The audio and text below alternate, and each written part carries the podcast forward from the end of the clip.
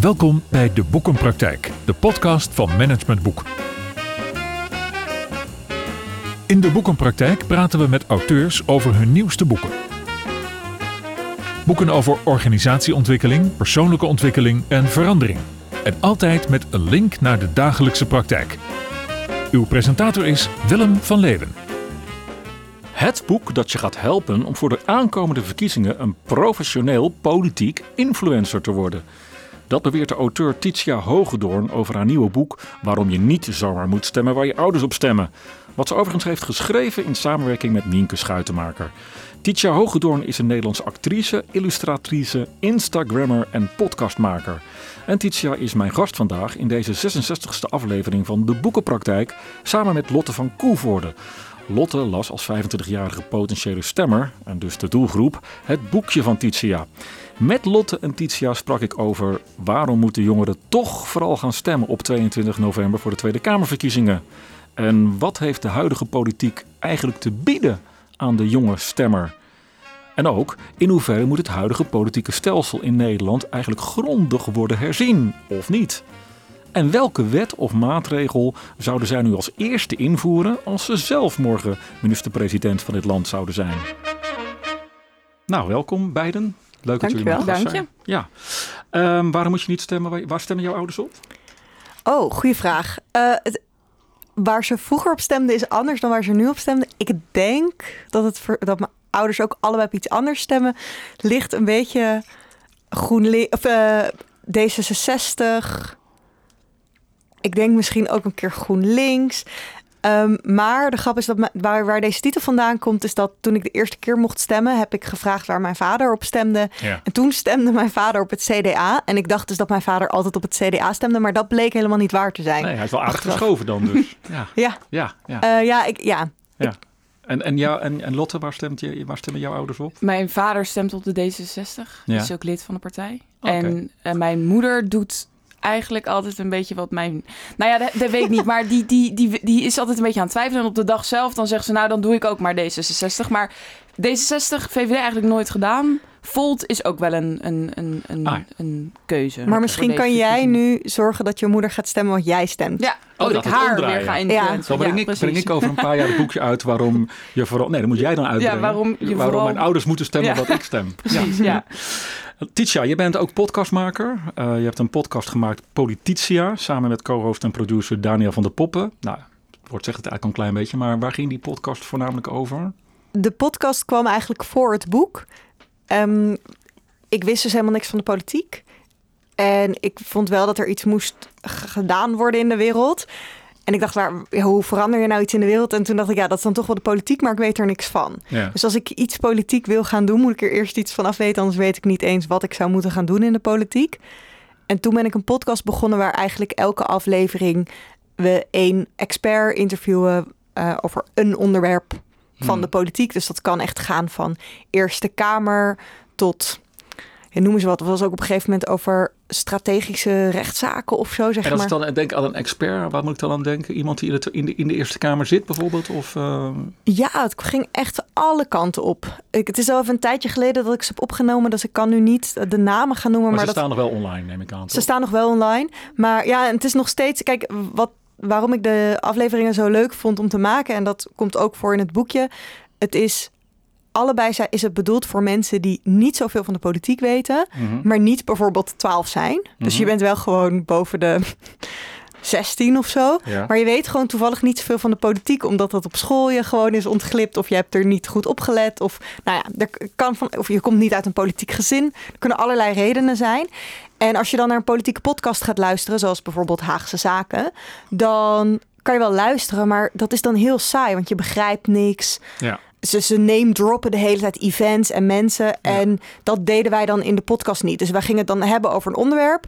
En Beetje Jip en Janneke taal, zeg maar. ja, maar Jip en Janneke taal suggereert weer dat het dus bedoeld is voor mensen van 12. Ah, ja. Terwijl de taal is gewoon bedoeld voor volwassen mensen. Alleen we leggen wel uit wat een coalitie is. Of in ieder geval het boek. Want als je het even heel erg framed, uh, het gaat natuurlijk vooral, je doelgroep is, zijn vooral jongeren, maar welke leeftijdscategorie? Het zijn wel mensen die, die moeten kunnen gaan stemmen. Dus vanaf de 18 jaar denk ik dan, of niet? Ik denk ook al wel dat het interessant kan zijn vanaf je 16, 17. Lot zit al te knikken. Ja, ja, ja. vind ik Jouw broertje van 13 uh, ja, vindt het ook dat, interessant. Ja, althans, dat weet ik niet. Maar die gaat over uh, twee jaar krijgt hij maatschappijleer. En ik weet nog dat wij op school dat we de partijen kregen en dat, de, dat mijn docent zei: Dit is rechts en dat is links. En ik had geen idee wat rechts en links was. En toen werd ik 18 en toen ben ik inderdaad eigenlijk gaan stemmen wat mijn ouders stemden. Wel met een beetje kennis, want ik vind het zelf interessant. Maar Aha. ik denk dat, dat het heel erg helpt voor kinderen die wat jonger zijn ja. om te snappen wat de politiek daadwerkelijk is. En dat je niet.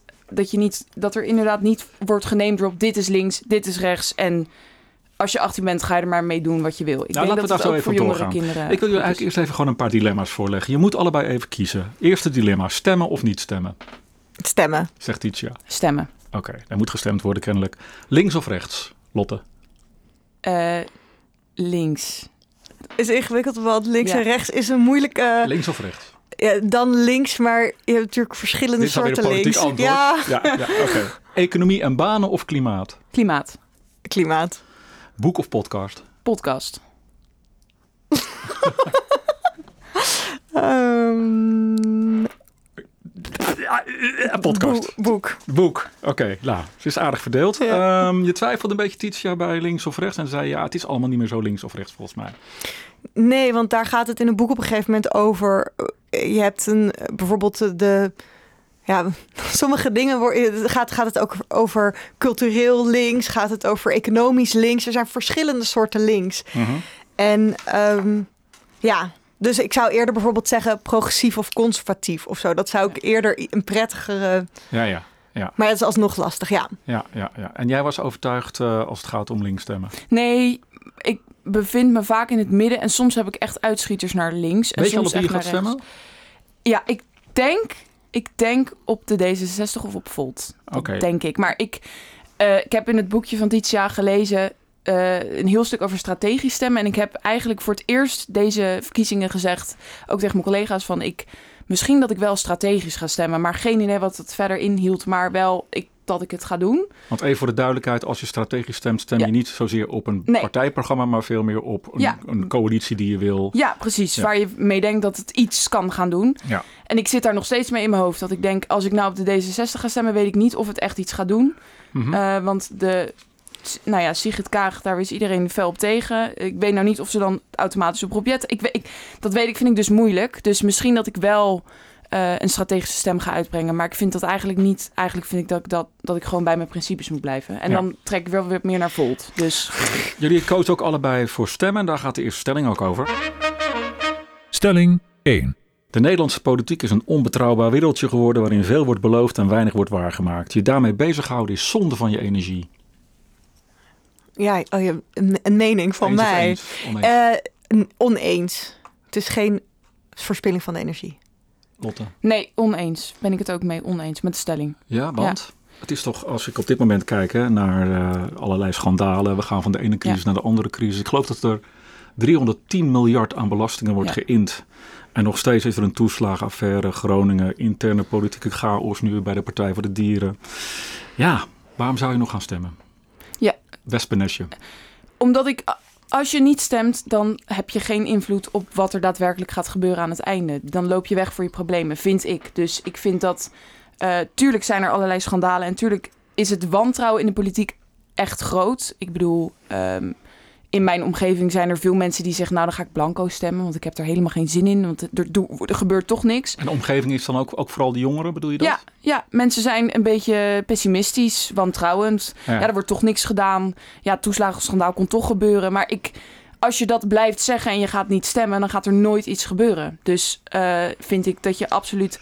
Ik, vind, ik, ik heb nu wat minder vertrouwen in de politiek, maar ik zou nooit niet daarom gaan stemmen. Maar overschat je daarmee niet ook ehm, de invloed die je hebt als je wel stemt? Ik bedoel, je stemt bijvoorbeeld op Volt of D66. Nou, laat ik D66 nemen, dat is wel een leuk voorbeeld. Je Ja. stemt op D66, die worden zo meteen geminimaliseerd naar Ja. drie zetels, komen in oppositie ergens achter in de Tweede Kamer te zitten. Daar gaat je stem. Ja. Zonde van de tijd. Ietsja.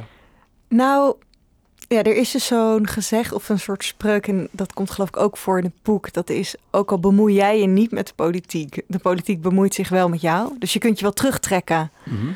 maar de, de, het, de, politiek gaat zich alsnog met jou bemoeien. De keuzes die er gemaakt gaan worden over de woningmarkt, over het leenstelsel, over Ja. al die dingen gaan ehm, alsnog besloten worden waar jij later te- mee te maken hebt. En als je het dan hebt over heeft je stem wel zin als jij als jouw partij drie zetels krijgt, zeker. Kijk maar, eh, ehm, bijvoorbeeld er was, er waren bij één is geloof ik de eerste keer dat ze meededen aan de, aan de Tweede Kamer. Sylvana Simons partij bedoel je? Ja. Die is, niet, die is toen niet eens, had niet eens genoeg zetels om in de Kamer te komen. Maar die heeft wel het debat toen heel erg eh, op racisme gebracht. Ja. Ehm, vervolgens merkten ze wel, ze hadden niet genoeg zetels in de Kamer, maar ze hadden wel zoveel stemmen dat andere partijen dachten, hm, dit resoneert wel. Ja. Dus blijkbaar wel iets wat de rest van de mensen ook interessant vond. Ja, maar ik ben nou bijna tien minuten met jullie aan het praten. Dan denk ik, als je nou echt invloed wil, jullie kunnen allebei verbaal behoorlijk, komen jullie uit de voeten. Ga zelf de politiek in. Dan heb je invloed. Ook, ja. Ja? Nou ja, als je dat kan. Ik moet zeggen, ik heb toen ik dus heel ging interesseren in de politiek, heel veel debatten gekeken en dingen gezien die gebeurden in de politiek. Ik dacht, dat kan ik niet aan. Gewoon, dat is ook heel saai, zo heel lang in zo'n ruimte zitten. Dat is niet Ja. voor mij weggelegd. Maar je hebt heel veel andere manieren waarop je ook iets kunt doen. ehm, aan dingen die je, pro- problemen die je ervaart. Bijvoorbeeld, kijk maar naar het leenstelsel, wat nu terug. Het is nu weer, de basisbeurs is weer terug. Mhm. Ehm, dat is iets wat. Maar als je nou bijvoorbeeld zegt, hè, de, de, de, eh, al bemoei jij je niet met de politiek, de politiek bemoeit zich wel met jou. Wat doet die politiek voor de jongeren heden ten dagen? De woningen zijn er niet. Eh, de basis, het, het, het studiestelsel is ook een beetje eh, Ja. verouderd en ligt een beetje op Ja, zijn de pechgeneratie zit alsnog in de pech. Ja. Ja. Ja. Ehm, nou, ga zo maar eventjes door. Ja. Ehm, oftewel, hoezo bemoeit de politiek zich met jou? Maar stem op een partij die open staat voor eh, de acties van vakbonden, van studentenvakbonden. Want zo is, dat zo is die basisbeurs weer teruggekomen. Dus ja, nee, het werkt natuurlijk niet zo dat er is een. ehm, we hebben natuurlijk een, een eh, kabinet van, van, aller, van allerlei partijen, niet van één partij. Dus voordat iets er doorheen komt, voordat iets geregeld is, dat duurt heel lang. Ehm, maar dat betekent niet dat ze niet hun best voor je doen om de problemen aan te pakken. Nee. En ik zou ook willen dat het sneller gaat en dat alle problemen opgelost waren. Maar dat is blijkbaar niet gebeurd. En is dan de oplossing niet stemmen? Dat, dat lijkt mij gewoon een hele gekke. Dat is weglopen voor je verantwoordelijkheid. Ja, en ik heb ook het gevoel dat als je hoe meer je weet van de politiek, hoe meer Mhm. vertrouwen je eigenlijk ook hebt in de politiek, omdat je begrijpt wat er allemaal gebeurt. En ja, ik vind ook dat er veel dingen fout gaan en anders moeten. Maar ik zie wel waarom Noem ze even gebeuren. één ding wat er anders moet. Klimaat vind ik een hele belangrijke voor Ja. deze verkiezingen. Ja, Mhm. ik, eh, ik, ik weet het eigenlijk helemaal niet met het klimaat. Ik weet dat de aarde opwarmt. We weten er heel weinig van. Ook, ik, weet, ik vind dat we er veel te weinig over geïnformeerd worden, ook jongeren. Ehm, maar het enige wat ik weet is dat ik... Ik werk zelf bij een nieuwszender. Dus het enige wat ik meekrijg is...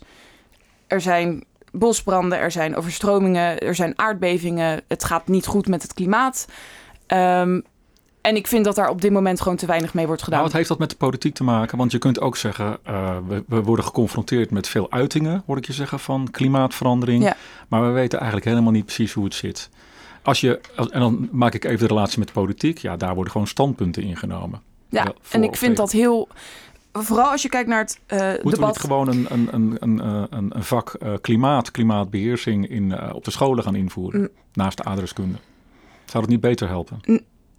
Nou ja, wat ik, wat ik vind is dat in het debat bij klimaat...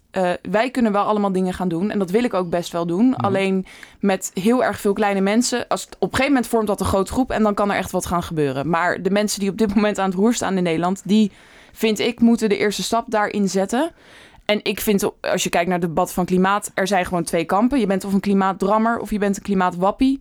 En wat daartussen zit, ja, dat, dat, is vaag. En ik vind dat in dat debat, ehm, dat, dat, dat het, het, het is veel Maar dat zie ik ook, ook niet politiek. Hè? Ik, ik, ik ben natuurlijk ook een beetje advocaat van de duivel in Ja. deze podcast. Eh, dat vind ik de leukste rol die er is. Maar het is, dat zie ik ook terug in de politiek. Ik zie ook, als ik naar een Ja. debat over, de, over, over, de, over, naar een debat over twee- het klimaat kijk in de Tweede Kamer. Ik ga er Ja. helemaal van stotteren. Dan zie ik eigenlijk de wappies tegenover Ja. de, de, de, de klimaat, eh, klimaatfreaks staan, zeg maar. Ja. Dus ehm, ja, dan denk ik, het is die polarisatie die jij denk ik heel eh, kernachtig schetst in de maatschappij Ja. over klimaat. Om toch even bij dat thema te blijven. Dat zie ik ook gewoon in de Tweede Kamer Ja, terug. ik er wordt niks wijs van. En dat vind ik heel problematisch. Ja. Want het is Dus veel de Tweede grijzer. Kamer is alleen maar meer polariserend dan... Ja. Ja. Op dit moment wel. Ja, je bent of een partij is tegen de uitstoot van stikstof en dus tegen de boeren, of je bent eh, Ja, een boer exact. en je vindt dat. Dus het is. En er zijn zoveel onderwerpen waarbij, want je zei net, maakt dan de, de link naar klimaat. Er zijn dus heel erg veel woningbouw heeft te maken met stikstofuitstoot, heeft te maken met klimaat. En er moet, er moet gewoon een coalitie, denk ik, worden gevormd waarbij het wat grijzer wordt en waarbij er meer mengeling ontstaat tussen Ja. die verschillende meningen. Want met deze polarisatie ja, snap ik dat mensen denken: waar, waar moet ik op gaan stemmen? Waar, Ja. waar, waar komt mijn stem dan terecht? Eh, aan de nou ja, linkerzijde, niet Ja. in het politieke spectrum links, maar gewoon aan de ene kant of aan de andere kant. Ja. Eh, en daar, daar hik ik tegenaan, ook met klimaat. Ik weet niet hoe het opgelost gaat worden, maar ik weet alleen wel dat je niet moet zeggen: jij bent een klimaatwappie en jij bent een klimaatdrammer en het daarmee behouden. Want dat Mhm. gaat niet. Dat gaat het niet worden. Ja. Dat gaat de oplossing niet brengen. Je hoort wel dat dit duidelijk iemand is die jouw boekje goed heeft gelezen. Dit is Ja. een kenner. Ja, eh, ja, en ik moet wel zeggen dat even terug naar dat jij strategisch wilde stemmen. dat is wel grappig, want in mijn boekje eh, geef ik juist aan dat, dat, dat, dat, je, dat ik het. Nou, dat het juist. Dat het ook gevaarlijk is, dat Ja, strategisch ja, stemmen. Dat mensen soms denken, oh, ik ga strategisch stemmen, dat heeft zin. Maar dat als iedereen strategisch gaat stemmen, eh, dan krijg je uiteindelijk niet waar, de, waar deze democratie voor bedoeld is. Namelijk dat iedereen vertegenwoordigd is vanuit zijn idealen. Ja. En dus dat je dat juist niet moest doen. Dus ik vind het juist ook wel leuk dat je alsnog strategisch wil stemmen. Want ik vind dat ook wel spannend of zo van... Er zit dan wel een gedachte achter. En dan ben ik het ook wel... Ik bedoel, ik ben er ook wel gevoelig voor. Ja. Ehm, ja, en met dat klimaat en, en wat de politiek ermee te maken heeft... Ze, tuurlijk hebben ze een debat, maar ze hebben niet een debat voor zodat we op Twitter filmpjes kunnen kijken. Ze hebben een debat zodat er uiteindelijk een stemming is. En die stemming gaat iets bepalen over ook over hoe wij aankijken tegenover waar het belastinggeld, wat we allemaal betalen, naartoe gaat. Mhm. Dus als je niet stemt, heb je ook geen, geen stem over wat er gaat gebeuren met jouw belastinggeld. Dus al dat geld wat je deed hebt betaald. Maar jij gelooft nog steeds in de kwaliteit van het debat. Terwijl als ik dan naar de algemene politieke beschouwingen zit te kijken, hè, de aanleiding dus van Prinsjesdag, dan zie ik twee dagen alleen maar mensen die eh, hun eigen partij en hun eigen partijprogramma aan het promoten zijn, omdat ze weten dat er over twee maanden verkiezingen zijn. Mhm. Denk ik, waar zit ik naar te kijken? Ja. Dus hoezo een kwalitatief debat? Ik zeg niet dat het een kwalitatief debat is. Ik zeg alleen dat het niet is dat ze een debat hebben voor het debat hebben. Mhm. Ze, ze zijn wel degelijk. En hoe ze dat doen, daar kan je van alles van vinden. Maar wat ze aan het doen zijn, is aan het beslissen waar gaat het geld naartoe. Ja. Welke beslissingen worden er gemaakt? Welke wetten worden er aangenomen? Dus als het gaat over klimaat, dan wordt er besloten, gaat er inderdaad waar Extinction Rebellion staat nu elke dag op de eh, A12 niet om op de A12 te staan, om- maar omdat ze specifiek op één, ze, ze zeggen niet het klimaat. Wat ze zeggen nu met die A12-actie zeggen ze, we willen dat de belast, wat is het, de belast, Fossiele de fossiele, ja, Ja, brandstof. Dat dat wordt. Dus dat is een heel specifiek iets. Dus zij proberen dus niet alleen door hun stem, maar ook door het jaar heen dus invloed te hebben op de politiek. Dat zie je ook bijvoorbeeld bij de aanhangers van BBB. Die proberen ook door het jaar heen invloed te hebben op al die politieke partijen. Ja, en jij hebt een boekje geschreven en zo begon ik ook, eh, voor, met name voor de jongeren, zodat ze een professioneel politiek influencer worden. Jij hebt het boekje gelezen. Ben jij nu een professioneel politieke influencer? Lotte? Nee, dat denk ik niet. Maar ik ben vergeleken met mijn vriendinnen ben ik dat wel. Vrienden, Want? vriendinnen. Omdat ik het... Ja, misschien vind ik de, de, de hectiek eromheen leuk. Ik ben een keer naar een debat gegaan van eh vorige twee maanden geleden... dat Rutte zich moest verantwoorden tegenover de parlementaire Ja. enquêtecommissie van Groningen. Ja. Moest hij antwoord geven. Nou, ik vond dat zo... Ik heb daar echt genoten, maar niet van zijn antwoorden... want dat, dat was discutabel. Maar ik vond wel ik vind het, ik weet niet wat ik er zo interessant aan vind aan de politiek, maar ik vind het heel interessant. Dus als eh, er een bepaalde partijleider bij een programma zit als op 1 of RTL Boulevard of, of eh, RTL Boulevard, eh, hoe heet die, Humberto, Ja. dan kijk ik dat. En Ja. dan ga ik vervolgens een vraag aan mijn vriendinnen, weten jullie al wat jullie gaan stemmen? Nee, nee, dat weet ik eigenlijk niet. En dan ben ik, ik ga hun dan wel, merk ik, overtuigen van nou, lees dat programma van Pieter Omtzigt nou, lees dat programma van de VVD nou. Ook al weet je dat je er niet op gaat stemmen, of dat je keuze er misschien niet ligt, ga dat wel doen, want het is belangrijk. En ik kan dat is misschien een beetje overdreven om te zeggen, maar ik kan een beetje slecht tegen mensen die in mijn buurt zeggen: vind ik niet zo interessant. Of ik ga blanco stemmen. Of ik stem niet. Dan merk ik altijd een soort ja, eh, behoefte om iemand te gaan overtuigen dat dat Ja. belangrijk is. Oké, nou dat punt hebben we volgens mij gemaakt. Ja. Hè, dat je vooral moet gaan stemmen. Wat heb jij aan het boekje gehad? Want het is eigenlijk ook vooral, denk ik, een inkijkje in hoe het politieke systeem werkt. Hè, met Tweede Ja. de Eerste Kamer. Het is bijna een soort geschiedenisboekje in de zin van, of maatschappijleerboekje. Moet ik zeggen, van hoe het werkt en welke items er op dit moment spelen. Nou, precies dat. Want ik. Ehm, de uitleg regering parlement. Daar heb ik nog een hele discussie met mijn vader over gevoerd. Wat is dan het parlement? Wat is dan de regering? Dat zijn allemaal dingen waar je het in het het publieke debat wel over hebt. Dus ik benoem het wel. En ik heb in discussies op werk dan. eh pitch ik een onderwerp en dan ben ik heel stoer aan het praten over dingen die in dat boekje staan, waarvan ik eigenlijk de ins en de outs niet weet. Dus zo'n boekje helpt je om de simpele zaken op orde te krijgen. Ehm, waardoor je makkelijker kan meepraten in het publieke debat. Dus dat heeft mij geholpen. Dat het gewoon wat meer. eh, dat, de, dat, dat het wat meer compact wordt. Ja. Ook je argument als je iets over de politiek wilt zeggen. Doel Ja. behaald als je dat hoort? zeker. Heel erg. Ja, en ik denk ook waar je het eerder over had van heeft het wel zin als jouw eh, partij drie zetels heeft. Nou, in dit boekje leer je ook. Dus da- daarom zeg ik van dat vertrouwen in de politiek, dat groeit ook met kennis. Mhm. Want als jij snapt, oké, er wordt een, een wetsvoorstel gedaan door een partij uit de coalitie. Eh, dat kan misschien iemand uit de oppositie niet per se eh, nog dat er iets aan gaat veranderen, maar, of dat dat helemaal weggaat. Maar die kan wel zeggen, zoals de Partij van de Dieren die doet, die is dan altijd: oké, maar hoe zit het voor de dieren? Ik kan Ja. misschien deze, deze hele wet niet helemaal veranderen, maar ik kan wel een clausule daaraan toevoegen, Aha. waardoor het ook, waardoor daar nog een soort. ehm, een, een, kwing, nog Ja. een soort extra bijlage aan zit. Dus Dat snap ik. En dan, dan, dan wordt het misschien, daardoor wordt het wetsvoorstel misschien nog completer. Ja, ja, en dan komt het in de Eerste Kamer en daar wordt het weggeveegd. Al het dat- werk voor niets. dat is niet per definitie waar. Nou ja, dat hebben we laatst ook weer gezien met die spreidingswet. Dan denk ik, ja, eh, zitten we in de Tweede Kamer, zitten we wekenlang te praten om zo'n wetsvoorstel van Mhm. alle kanten mooi op te pimpen. En dan komt in de Eerste Kamer, er zitten wat grijze senatoren die zeggen, nou weg ermee. Ja, maar Ja. dan, ik weet niet, ik heb het gevoel dat de, de, het, ehm, dit is heel ver, het is heel vervelend dat het zoveel tijd kost en zoveel discussie kost en dat we al die partijen maar mee laten praten en dat soort dingen.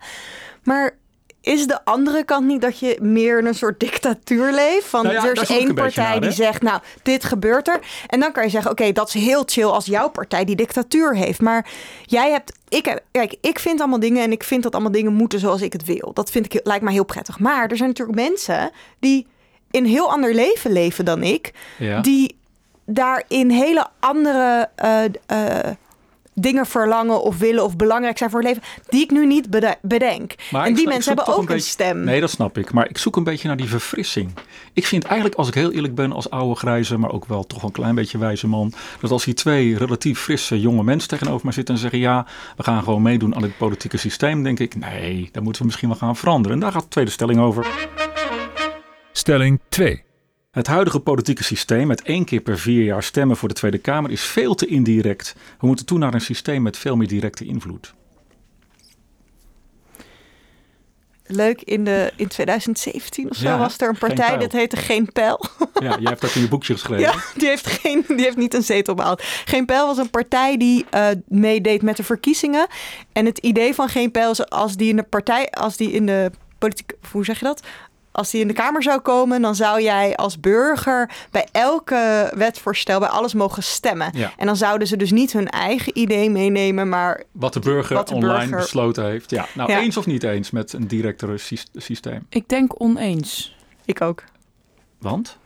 Ja, ik, ik zit me helemaal voor te stellen hoe dat dan in zijn werk gaat. Maar ik denk dat je op dit moment Nou ja, je Ehm, hebt bijvoorbeeld best wel, D66 is daar ook een tijd lang voorstander van geweest. Helaas is dat inmiddels ook alweer in de kast verdwenen. Maar dat ging over burgerreferenda. Ja, ja, die heb Jullie ja. ongetwijfeld bekend. Hè? Ja. Dat de burger meer direct, nou zo'n kastjesysteem is daar misschien een uiting van.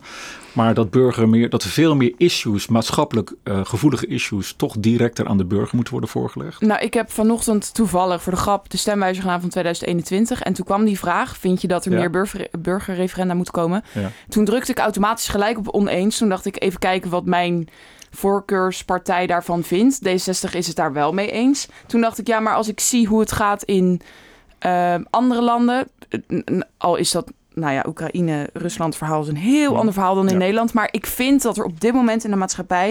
en dan wil ik niet mensen tegen elkaar opzetten... maar dat er, zo, er zijn zoveel meningen... en er zijn ook echt heel veel meningen... Er, het, wordt steeds extremer. En ik ben bang dat als je... eh, die extremere meningen misschien heel direct laat terugkomen in de politiek, Sorry. dat het misschien nog. Maar daarmee zeg je dat democratie niet bedoeld is voor iedereen.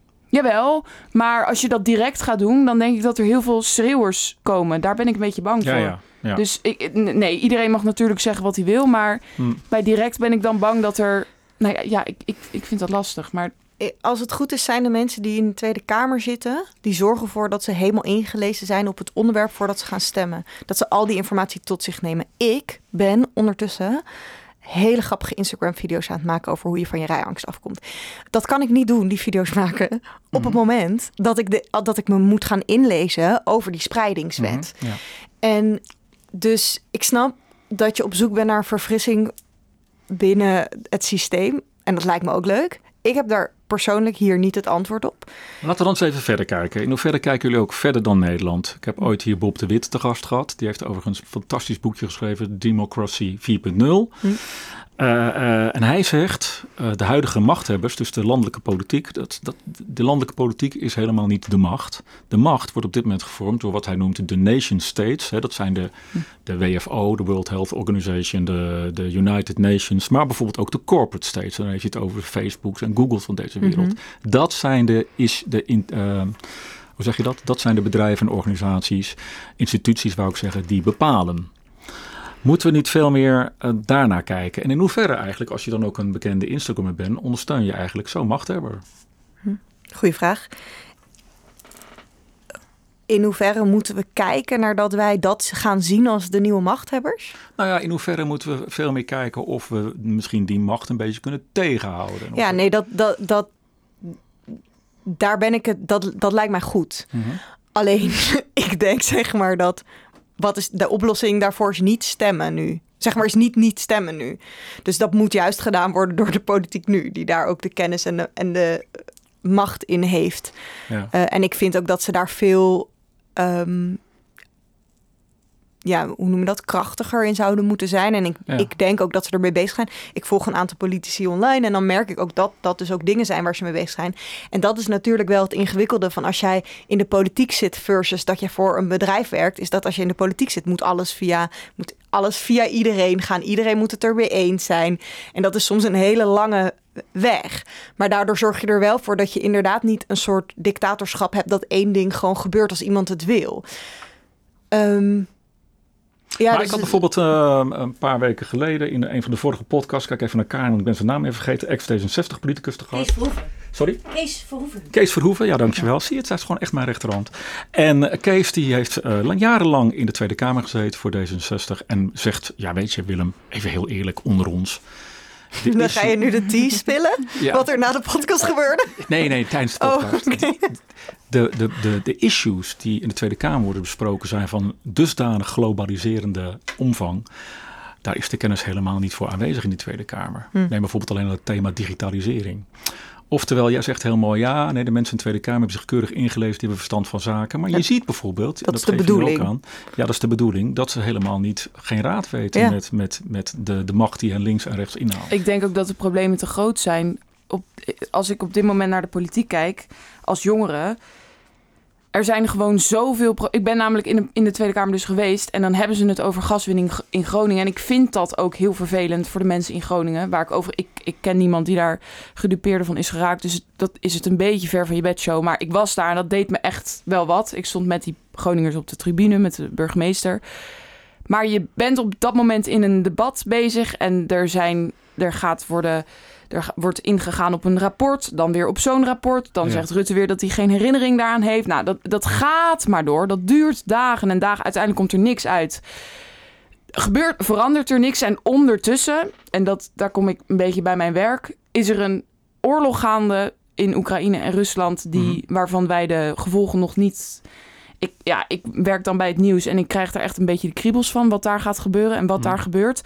Ondertussen is het klimaat, ja, als wij als Nederland daar iets aan gaan veranderen, dat is onwijs goed. Maar daar moet, moeten grootheden als China en, en weet ik veel wat voor landen moeten daar ook aan. Exact. Dus ik heb het idee dat er problemen zijn in Nederland worden Eigenlijk zeg je, besproken. we zijn op een postzegel bezig hier. Een beetje, maar die postzegel is wel heel belangrijk, want het gaat in ons land. Er worden geen brieven meer verstuurd, hè? Nee, nee, ook Dus niet. de postzegel is helemaal niet meer zo nodig. Nee, nee, zo, nee, nee, nee, sowieso niet. Nee, maar het is, het is, ja, ik, ik, het is dus heel paradoxaal, want je wil dat het in je land goed gaat, maar Ja. het gaat ondertussen in de hele wereld ook een hele andere kant op. Ja, nog even naar die pluriformiteit. Hè. Dat is een heel mooi woord voor het feit dat er inderdaad veel politieke partijen zijn. Jij gaf net het voorbeeld van de Partij voor de Dieren, Titia, die dan ook nog even zijn plasje over zo'n wetsvoorstel Mhm. kan doen. We hebben veel te veel partijen. Er zijn heel veel eenpitters en dat zijn mensen die moeten zich in al die dossiers inlezen terwijl het zulke eh, eh, eh, moeilijke problemen Ja. zijn die la- eh, grensoverstijgend zijn. Moeten we niet ook gewoon toe naar een systeem waarbij je bijvoorbeeld een kiesdrempel hebt, dat je zoveel... Zoals in België, geloof ik, heeft dat. Ja, zoveel zetels moet hebben om gewoon in de Tweede Kamer te komen. Ja. Is dat niet een idee? Ik denk wel dat er dan meer gaat kunnen veranderen. Ik denk wel dat de democratie dan, ja, dat is weer heel ingewikkeld. Het is altijd een beetje grijs gebied. Hou het netjes. Ik denk dat dat wel. eh, nou ja, ik weet niet het, het fijne van een kiesdrempel. Maar ik denk dat er op dit moment zoveel kleine partijen zijn. dat als je een formatie moet gaan vormen. Ja, bijvoorbeeld aanstaande november, na november. Ja, dat gaat, dat weten we nu al, dat gaat waarschijnlijk ontzettend lang duren. Omdat er allerlei partijtjes zijn die moeten worden bijgevoegd. ja. En dan uiteindelijk zit je in de coalitie en dan is weer niemand het met elkaar eens. En dan, dus ik, ja, Ja. als er echt iets moet gaan veranderen. Eh, en men wil heel graag dat er iets gaat veranderen binnen Nederland. Dan denk ik dat het nodig is dat er iets minder kleine partijtjes zijn. die ook minder tegenover elkaar gaan staan. ja. oké. We Dus, gaan even... ja. Ja. we gaan even naar de boekentip. Want eh, we hebben ook nog een ander item. Wat is trouwens, ehm, misschien kan het over politiek gaan, maar wat is het laatste verfrissende boek wat je gelezen hebt? Oh, geef me even een seconde. Jij, Daar ben ik koos, niet goed jij in. koos voor een boek. ja, nee, dat is waar. Oh, Weet jij het nog, Lotte? een boek? Waarvan je zegt, oh, dat moet ook elke jongere lezen, behalve dit boekje. Nou ja, dat is een hele rare titel. Maar De Edele Kunst van Not Giving a Fuck. Oh ja. Zo'n oranje boek. Ja, Ja. ik heb het niet uitgelezen al hoor. boekje. Ja, Ja. Eh, echt wat een beetje voor mij. Want met, dat, met een ongeluk dat ik had gehad, zat ik alleen maar fax te geven. Om het maar even zo plat te Mhm, zeggen. mhm. Dus het was een leuk boek om te lezen. En het boek daarvoor heb ik Sander en de Brug gelezen van Schimmelpenning. Zijn pamfletje. Ja.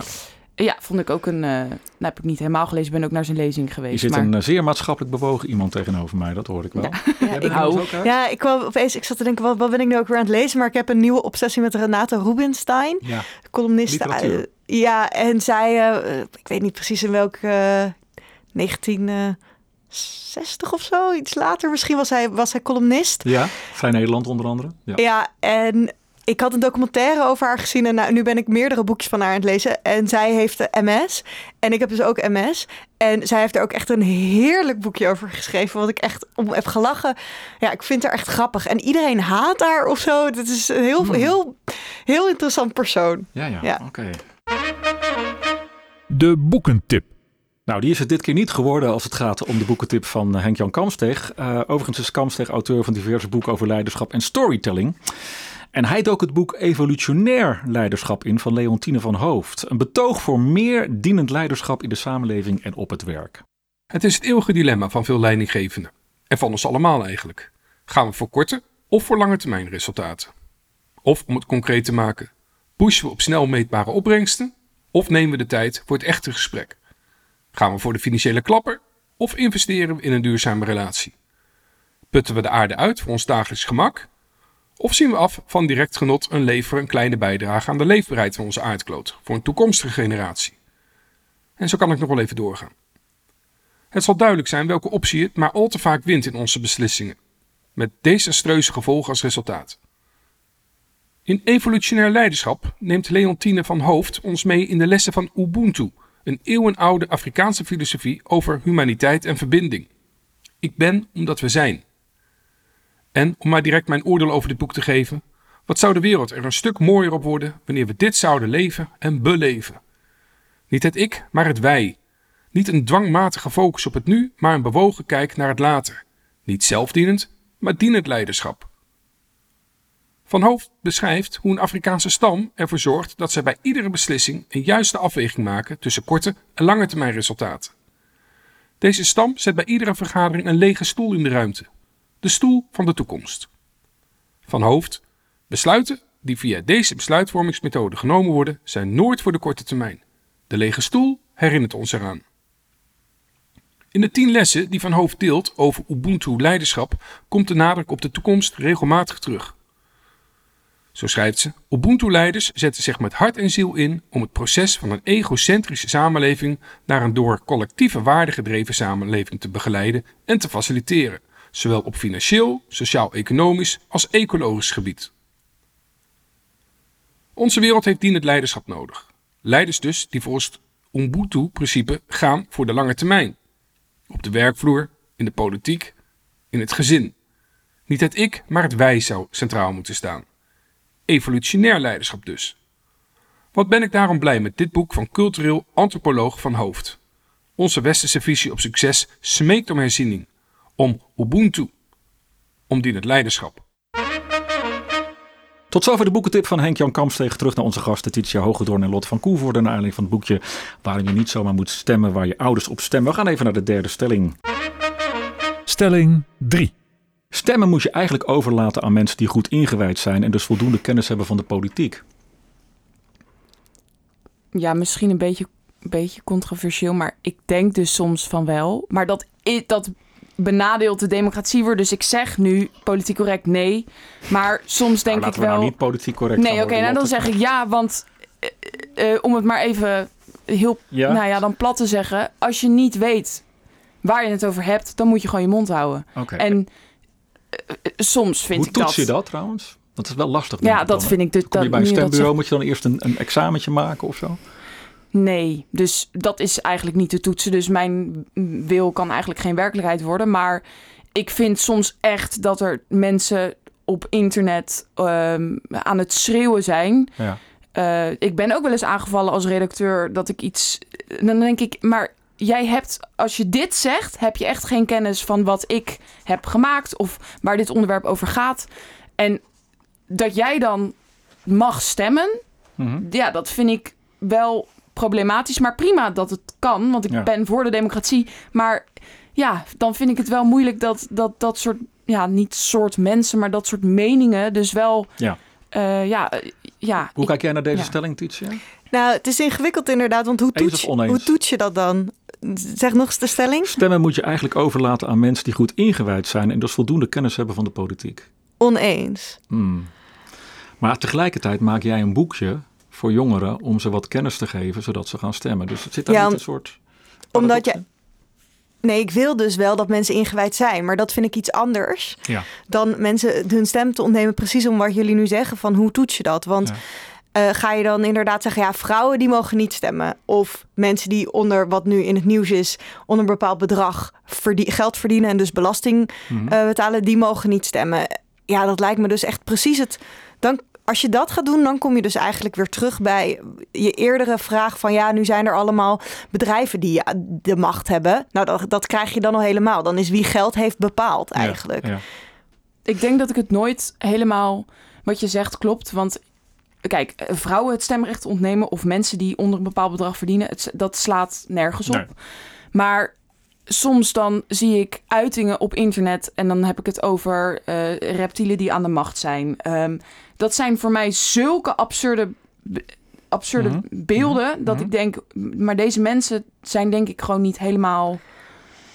Maar stel nou Eh. dat, ik, ik, eh, de- ik bedoel, democratie is volgens mij de stem van het volk, hè, even vrij Ja. vertaald. Dit is een onderdeel, gelukkig een klein onderdeel, procentueel van het Ja. volk.